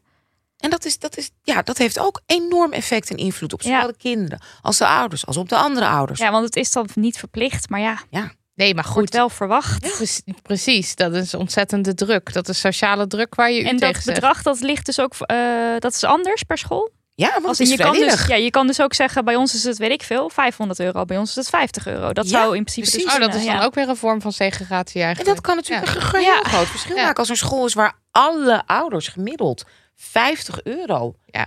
per maand bijdragen aan de school. Nou, wat is dat op Ja, ba- dat is enorm veel geld, Ja. ja. Als je het hebt een school van zeg maar, laten we zeggen 500 kinderen of 300 kinderen of twee, Ja. dat is heel veel geld. Ja, en je schreef ook nog over katholieke scholen die nog een soort potje dan ergens hebben liggen tuurlijk. of zo, hè? Ja. Oh ja, want dat We all know that the natuurlijk church het is money. Ja, Ja. Ja, ja. Ja, oké. dus op deze manier, of op vele manieren dus ook weer. Ja, ik, ik, ik, ik, ik hoorde laatst ook een casus. Er komen nu natuurlijk allemaal mensen naar me toe. Weet Ja. ik, van de moeder die zei van nee, nee, want ik ben nu al aan het sparen. Ik wil heel graag dat mijn kinderen die in die school gaat. Ik weet dat hun vrijwillige ouderbijdrage zo, zo, zo, zo, zo hoog is. Dus daar ben ik me nu al voor, het kind is twee, aan het sparen. Ja. Dat is zo heftig. Want ik, alleenstaande moeder, bla, bla, bla, wil dat mijn, dit is de een, dit heb ik te bieden. ja. Daar, dat, verschrikkelijk. Ja, dat Ja, is schrijnend. schrijnelijk. it's a lot. Het is veel. Ja. Maar en het is dan, zeg maar, want als je het hebt over scholen met lekkende daken. eh, de- ik neem aan dat de overheid in principe wel regels heeft van hoe een school in elkaar moet. Ja, dat ja, dat ja, er een soort dus lekkende basis daken is ook een beetje, weet je, Dat zijn een beetje, beetje gechargeerd. Oké, ja. gechargeerd, tuurlijk. Ja. Er wordt het gerepareerd, maar er is verschil tussen een, een, een, een schoolgebouw wat zeg maar 200 ik bedoel, Amsterdam is een oude stad, dus je kan een schoolgebouw hebben wat zeg maar nou eh, meer dan 100 jaar oud is. Dus hoe vaak ga je dat dak repareren? Ja. En als er eenmaal een nat vlek zit, wat doe je dan met die platen? Laat je Precies. zitten of... Ja, precies. Precies. Het hoeft Ja. niet meteen ongevaarlijk te zijn. En dan kan het Nee. natuurlijk alsnog volledig Ja, eh, er oud komt- zijn. We zijn bezig met een nieuw schoolgebouw, maar dan heb je ook, nou, hallo, weet gent- gentrification, hoe dat inderdaad werkt. Die hebben misschien liever dat dat zich hè, vanzelf wel, dat die met- lui wel weggaat, want die willen daar appartementen neerzetten. Ja. Die willen daar geen nieuw schoolgebouw. Dus er zijn heel veel factoren die meespelen Ja. bij zoiets, bij, een lekker, bij zo'n lekkend tak. Ik heb gewoon het gevoel dat we de anticapitalisme tu- tune echt op de minuut zo Ja. gewoon erin moeten Ja, klopt. monteren. Klopt helemaal. Ehm, ja, hoe werkt dit dan door in het verdere leven van een leerling? Een leerling wordt natuurlijk volwassen. Ja, nou ja, dat, dus, je, dus nog even kort, je krijgt dus te maken met onderadvisering. Ja. Eh, je, je moet misschien dus gaan stapelen, wat dus ingewikkeld is. Dus van de MAVO, of, eh, MAVO, zo heet het niet meer. je hebt ook VMBO. MAVO's. MAVO is nog nu wel? een beetje de witte versie geworden Oh, van VMBO's. Echt? nee. Ja, ja, je hebt bijvoorbeeld het heet school de Amsterdamse MAVO. Ehm ja, geweldig school, hartstikke goed initiatief, fantastisch. Ehm, ik kan dit niet bewijzen, dus allegedly, Mhm. Dat is mijn gevoel weer, dus dat zou hopelijk iemand anders kunnen doen of een ander boek of weet ik veel. Heb ik een beetje het gevoel dat hey, MAVO komt weer terug in, in zwang, omdat VMBO zo'n quote-unquote allochtone bijsmaak heeft gekregen Oh, in, in, de, hè, in de grote steden. wat vreselijk weer. Dat, het is een gevoel, hè? Dit Ja. maak ik niet hard. Staat ook niet in mijn boek. Dus please, don't come at me. Ehm, dus ja, dat, dat, dat gevoel heb ik een beetje. Dat het, Ja. dat het eigenlijk bonton prettiger is om te zeggen MAVO... dan mijn kind gaat naar het VMBO. Ja. Heb ik het gevoel. Niet, kan ik niet bewijzen. Dus, maar de MAVO is in die, in die zin weer weer terug. Je hebt de Ja. Amsterdamse MAVO populaire school. Leuke school. Heel leuk, mooi initiatief. En geweldige mensen die daar werken. Nou goed, dan heb je dus dat stapelen, wat dus alweer ingewikkelder is vanwege Weet die scholen die uit elkaar liggen. Dan heb je En nog cijfers. Dit zijn heel strenge regels. oh, wat je nodig hebt Je om überhaupt te mogen. Oh ja. aan, in plaats van, hé, gefeliciteerd. En nu ga je door. Ja, dat mag dus ook niet meer. Nee. Nou, dan heb je nog de lesstof die heel beperkt is. eh, of heel erg vanuit het witte superiori- superioriteitsdenken eh, ehm, bedacht is. Dan heb je nog de vooroordelen van leraren die dus tegen jou zeggen... nee, maar voor jou is dat niks, Ja, dat kan dus- jij niet. Want voor alle duidelijkheid, zit jij als kind op een witte school, tussen aanhalingstekens, en je denkt als ouder, nou nu heb ik het fantastisch gedaan, is de kans op onadvisering hoger. Ja, Ja. Oeh, nou ja. hm. En ehm, oké, ja, dus je hebt al deze dingen. Dan heb je je stage waar je uiteindelijk alweer lastig mee krijgt om. eh Kijk, om wat ik ten eerste mogen zeggen, wat ik ook heel, sorry dat ik je onderbreek, maar wat Nee, ik ook heel duidelijk wil maken, is dat VMBOT heb je nog geen startkwalificatie. Dus hoe, dus hoe heftig is dat? Wacht, je wat dus- betekent dat? Dan ben je nog niet klaar. Ben bent nog niet- uitgeleerd. Dan Ja. heb je dus niet het, zeg maar, de, Het papiertje het om te gaan. om te gaan werken. Nee, je moet eerst nog je stage of je moet eerst werken. Ja, je moet een Ja. En het is een bepaald aantal punten. Ook weer, nou, dit is ook weer zo'n zo'n bekende Nederlandse juridische molen. Of het nou is inderdaad met UWV of het Belastingdienst. Of zo ook, zoals het ook is gelukt met, eh met zorgsla, hè, de, de, de zorgaffaire en alles. Zorgtoeslagenaffaire. Het is, het, ik, het, ik heb het uitgeschreven, het staat, ik heb het uitgelegd. Maar het is dus niet zo, dat is het belangrijkste. Ik heb VMBOT gehad, dat diploma is iets Let's waard. go. Nee, nee, nee. Ja, want je go. moet nog door. Nee, je moet nog door. Dus wat zeg je tegen kinderen? Met dat advies, zoals vriendin van mij, Marjan Elmosoli, te horen kreeg. Ja, maar we hebben ook schoonmakers nodig. Ja. Snap je? Ja. Goed, Je boek staat vol ook met dit soort Dus, verschillende Ja. dat, dus, dat, dus Ja. dat vind ik al zo verschrikkelijk. Dat is voor dat is één. Ja. Weet je er nog niet? Moet je, ik geloof, MBO 2 of zo halen. Maar MBO 2, wat ga je doen met MBO? Snap je? Dus, dus het, het, het is een, een nightmare. En dat, ik weet niet of jullie hoofdsucces dus hebben gelezen, doorwerking. ja. Nou, dat vind ik het, vond ik het meest pijnlijke, naarste hoofdstuk om te schrijven. Omdat ik heb aan de hand van, hè, van, een, van een persoon, van, van iemand die ik ken, heb ik gewoon een paar verhalen zeg maar, bij elkaar. Heb ik aan de hand, dacht laat ik het eens. Ik dacht, hoe Gewoon echt helemaal nou uit? doorwerken. Ja, Dus precies. ik heb het uitgelegd aan de hand van Shira. Ja. Om te laten zien, dit gebeurt Ja. er dus. En dan heb je alle stapjes, heb je alles goed gefucking gedaan. Ja.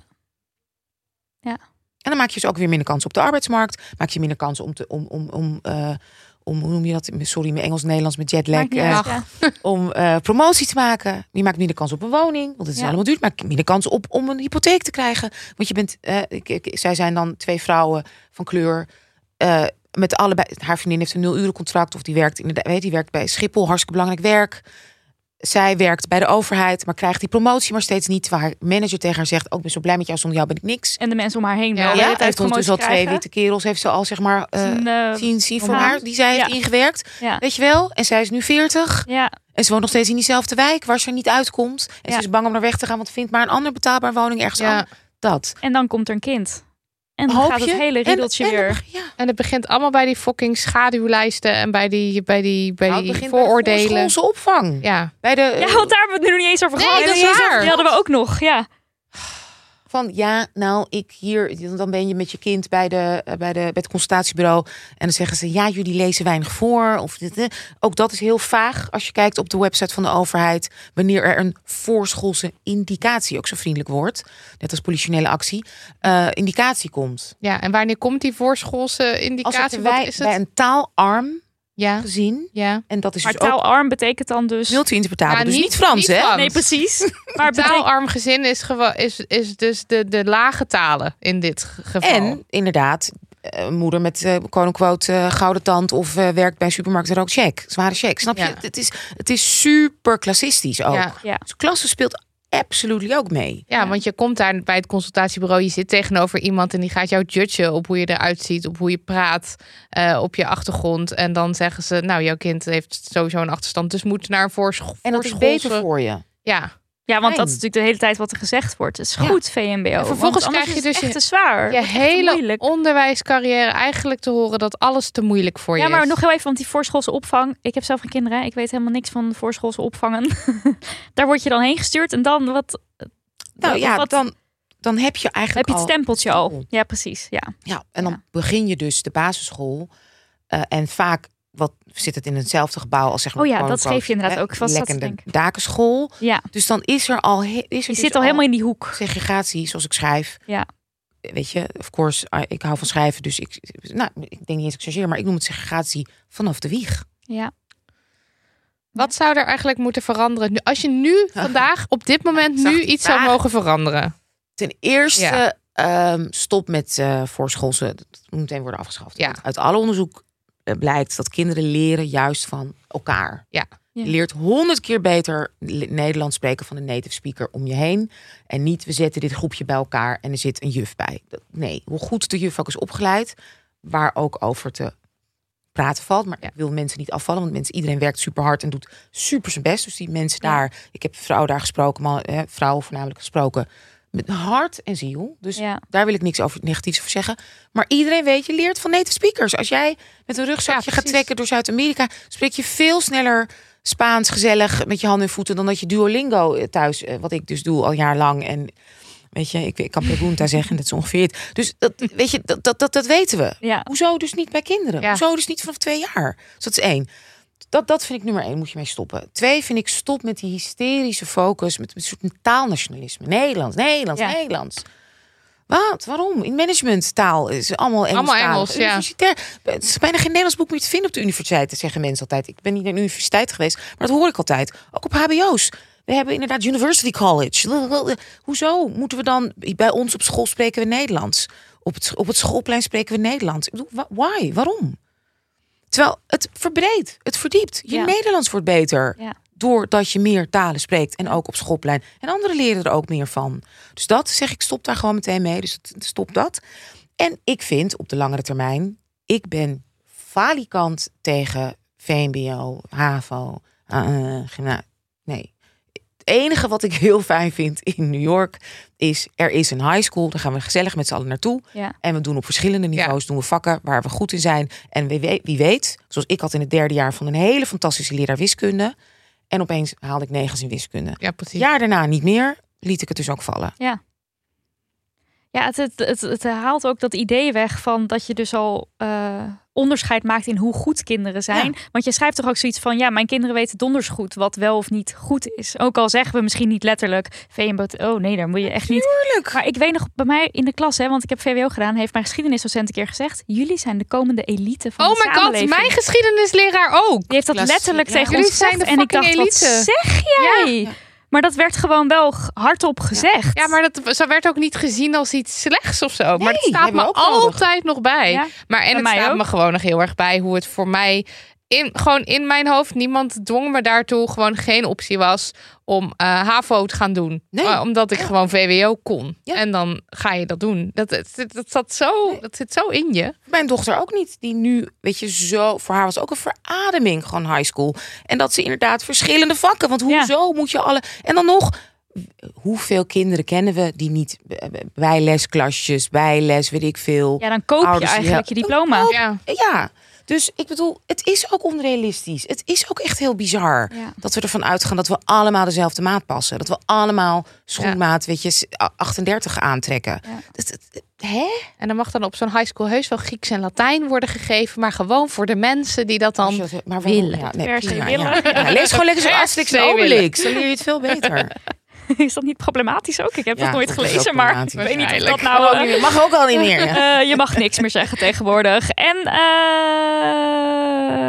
eh, is er nog iets wat je zou willen zeggen tegen ouders van kinderen? Kinderen van kleur? Ja, ja, die- tegen ouders van kinderen van kleur. Het is net zo met hello witte mensen. Weet je, je bent niet gek. ja. Ik bedoel, sorry, dat is ook e- ableism. Dus het ligt niet aan jou, dat Ja. wil ik zeggen. Weet En je het wel? is echt ook. Dit is, dit wat is je echt. ziet en wat je alles wat je ziet, alles wat je voelt, het is waar. En Ja. ik heb het meegemaakt. Ik ben nu 54. Ja. En het gebeurt nog steeds bij nogmaals vierde generatie kinderen die hier zijn geboren. ja. Jezus. Weet je? Dus nee, je hebt gelijk. Het klopt. Er- Het is, ehm the game is rigged, zoals ze Ja. zeggen in, Ja. eh, in het Engels. Dus dat is één. Als je de emotionele eh, luxe hebt, ruimte hebt, bemoei je er tegenaan. Ja. Dus ga. Ik kwam een keer laatst, het was zo te gek. Dus toen ik aan uitgesloten werkte, werkte ik met een redacteur. En dat is een man van kleur. En die, zijn, zijn, zijn, zijn partner was zwanger. En eh, toen zei ik dat, dat zei ik, "Bep, bep, bep, bep, je moet in school. bep, bep, bep." En hij, bep, bep, bep. En ik zie je kwam er volgens mij, wat hebben we zijn nu ondertussen acht jaar verder, negen jaar verder. En hij appte mij een keer, of ik weet niet, we kwamen, en toen zei hij, ik ben die lul in dat bestuur. Yes! Die zich overal mee Hey, bemoeien. hey, Oh, De hele tijd zeggen Ja, en dit ja, en dat. Ja. Als je dat kan, wat ik weet, ik, bedoel, Ja. ik deed het ook niet. Eh, If you can do it, doe Ja. dat. dat is Ja. super- En sowieso zeuren. Dus wij, Ja. hè, bang om te zeuren? Ja. Nee. Nee. En sch- eh, schakel hulptroepen in. Dus ik ben ook wel eens mee geweest Oh ja, met een vriendin van mij. Ze is wit, Samen gaan. maar ze zegt, ik, ik spreek plat. Toevallig was, weet je, zei ze, ga jij met me mee? Want Ja. ze kennen jou van tv. Jij ja. spreekt keurig, nee, hè, quote-unquote, eh, keurig. Ik vind, ik vind het niet keurig, maar je snapt. ABN. Ga met me mee. En ze Ja. kennen je, dus dan zijn ze ook vast van je onder de indruk dat je mijn vriendin bent. En ze zijn bang voor je vanwege Zwarte Piet. Racisme. dus ik ging met haar mee. Dus samen zitten we daar met z'n tweetjes. Ja. Het is heel anders dan als ze daar in haar eentje. Dus je kan het niet alleen. Ik, hond, denk je, mijn partner moest altijd. Ik ging bijna niet naar schoolgesprek of ik zat ernaast. Ja, ik liet lekker eh, Whitey, helper Whitey het, het woord doen. Ja. Dus nee, want het, de game is rigged. Dus rig the game. Ja, precies.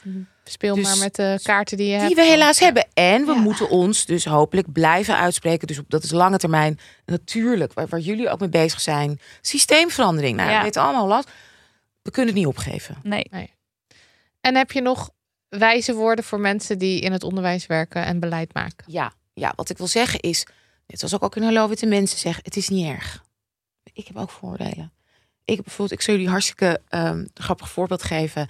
Dat, ehm, ehm, hoe ga ik dit neutraal vertellen? een van, eh, van de kinderen in ons gezin heeft eh, een, een, een geliefde van hetzelfde, zeg maar, die hetzelfde zou kunnen noemen. Ja. En Ja? ik merkte dat ik dat eigenlijk veel fijner vond dan dat er een ander iemand was van een ander eh, geslacht. Ja. Dat ik dacht, oh, wat heerlijk. Wat heerlijk! Dat het, zeg, hè, dat het twee meisjes zijn. Ja. Een van Sorry hoor, in deze podcast mag ik het zeggen. Feministische podcast, een van de vervelende gozer. Ja. Ja, absoluut. Mannenhater de nummer één Snap je? hier. Ik vond dat heel fijn. Ik was, dat ik echt dacht van, oh, wat, wat, het zou, Wat wat zou- heerlijk dat je met een vrouw bent. Wat had ik anders gereageerd als had gezegd, eh, zeg maar, weet je, is deze, Ja. ja, dit is hem. Ja. Nou, ik had ook zo gereageerd.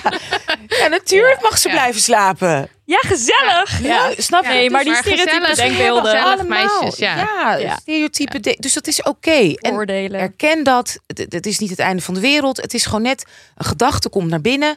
En dat is zo leuk van gedachten. Die gaan ook weer weg. Ja, Ja. En, maar- en ook je kan dus leren. Je kan iets lezen en je kan, oh ja, wacht, dat met die scootmobiel, dat was misschien niet. Precies. Terwijl er had ook iemand een brief kunnen schrijven van, nou Marilotte, en jij had ook kunnen zeggen, nou fuck you. Ja.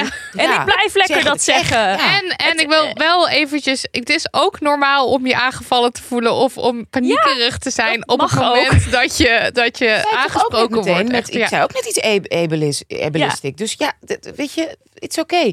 Dus en durf dat dus, dat, dat wil ik zeggen tegen, tegen witte eh, leerkrachten, docenten, mensen die bezig zijn in het onderwijs.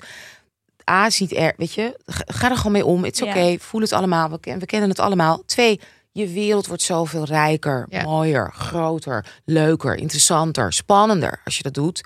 Maar de vraag is, en dat ja, dat is waar we denk ik, waar jullie podcast natuurlijk ook altijd over gaat. Hè, insert kapitalisme tune. Willen we dat wel echt? Snap je? Ja. Dat is ja, beetje- ja, ja. wat hè, ben ik inderdaad just because I'm paranoid doesn't mean I'm not being followed. Mm. Snap je? Wil willen de powers that be wel echt verandering? Ja, Ja, nee, ja, nee, dat was het willen ze natuurlijk niet. al lang gebeurd. Ja. Uplifting einde. We ze willen het niet. yay. Maar weet je, nee, nou, er is Nee. wel iets upliftings. Wij zijn wel in de meerderheid. Ja, Is dat zo? Ja. Mm, Oké. ja, Ja. denk het ook uiteindelijk. Ja. Ja, ik, ik Mensen hoop die dat het hoor. willen, Ik, ho- ja, daar, daar hou Laten we gewoon vast. zeggen, ja. De Ja. mensen die verandering willen, de mensen die gelijkwaardigheid willen. Daar We zijn met uiteindelijk meer. zijn maar we we met zijn in meer. ieder geval met veel. En ik voel me daar zeker niet alleen in. Dit was aflevering 157. Heel veel dank Anousha voor je boek, voor je woorden hier, voor alles. Eh, Hallo Witte Scholen ligt in de boekhandel. Hij ligt in de online boekhandel, in de fysieke boekhandel. Overal. Ja, maar support je lokale Alsjeblieft. absoluut. boekhandel. Precies. Yes. Eh, maar mocht dat niet lukken, dan kan je naar Libris. En dan kan je alsnog je lokale boekhandel Ja, supporten. precies. Maar dan kan je het dan bij je laten bezorgen als je dat toch prettig ja, vindt. en ook voor- eh, bij, bij mijn uitgever kan het ook. Bij Oh, je bent Pluim. Ja, ja. oh goeie. Ja. Support je ook. Eh, ja, dan support je jou nog iets meer, denk ik ook, of niet? Ja. Wel erg hè? Dat, zo, zo, daarom heb ik dus ook Kapitalisme! Ja. Dat weet ik dus. We weten het toch niet. weer hierover. Maar ja, we verdienen er ook niks aan aan Nee, boeken. uiteindelijk dus ja. verdien je niks aan een boek. Eh, die show notes die vind je op delmoney.nl. Eh, ja, ik ben helemaal weg. De weg Ja, slash aflevering streepje 157. En ook het transcript staat daar over een paar dagen. Nou, Dankjewel. Daniel van de Poppen. De edit was weer superb. Lucas de Geer, wat een heerlijke jingle. Vooral die kapitalisme jingle die er 368 keer in zit. En Lisbeth Smit, de website ziet er nog altijd heel gelikt uit. Bedankt. Eh, bedankt transcriptteam voor het uittypen van de aflevering die toegankelijk is voor mensen die eh, weinig met audio kunnen. Paulien, Yvonne, Paula, Pieke, Guusje, Maaike, Tess, Anna, Klaartje, Isidore, Maaike, Robin en Julia. Stuur post naar info.damhoney.nl. Of stuur geld op petjeaf.com slash damnhoney. Vanaf 1 euro per maand word je bonusbal. En krijg je onder andere toegang tot onze bonuspodcast genaamd Je doet het er maar mee. En Anousje wil iets zeggen. Ik wil heel graag nog één shout-out geven als Ja. het mag. Mag. Aan mijn fantastische researcher, met wie ik Oh. samen het boek heb geschreven, zonder wie dit boek absoluut Arzu. mogelijk was. Arzu Ja. Ja, bedankt, bedankt. Ja. En ga ook allemaal dipsaus luisteren als mensen. Maar jullie moeten wel even een nieuwe aflevering Ja, maken trouwens. een beetje in een, Ho eens eh, even. nu even op het strafmatje. Ja, oh, ja, ja, I know. Ja, ik ben En maar- morgen verschijnt er een nieuwe aflevering van Dipsaus. Dipsaus. of niet. Zelf weten. Zelf weten. Kussens, bedden, matrassen, beddengoed. Emma Sleep heeft het allemaal. Ga naar emma-sleep.nl om van jouw slaapkamer een slaapparadijs te maken. Er is nu moederdag sale gaande met kortingen die oplopen tot wel 50%. Gebruik de code DAMHONEY voor nog eens 10% korting daarbovenop.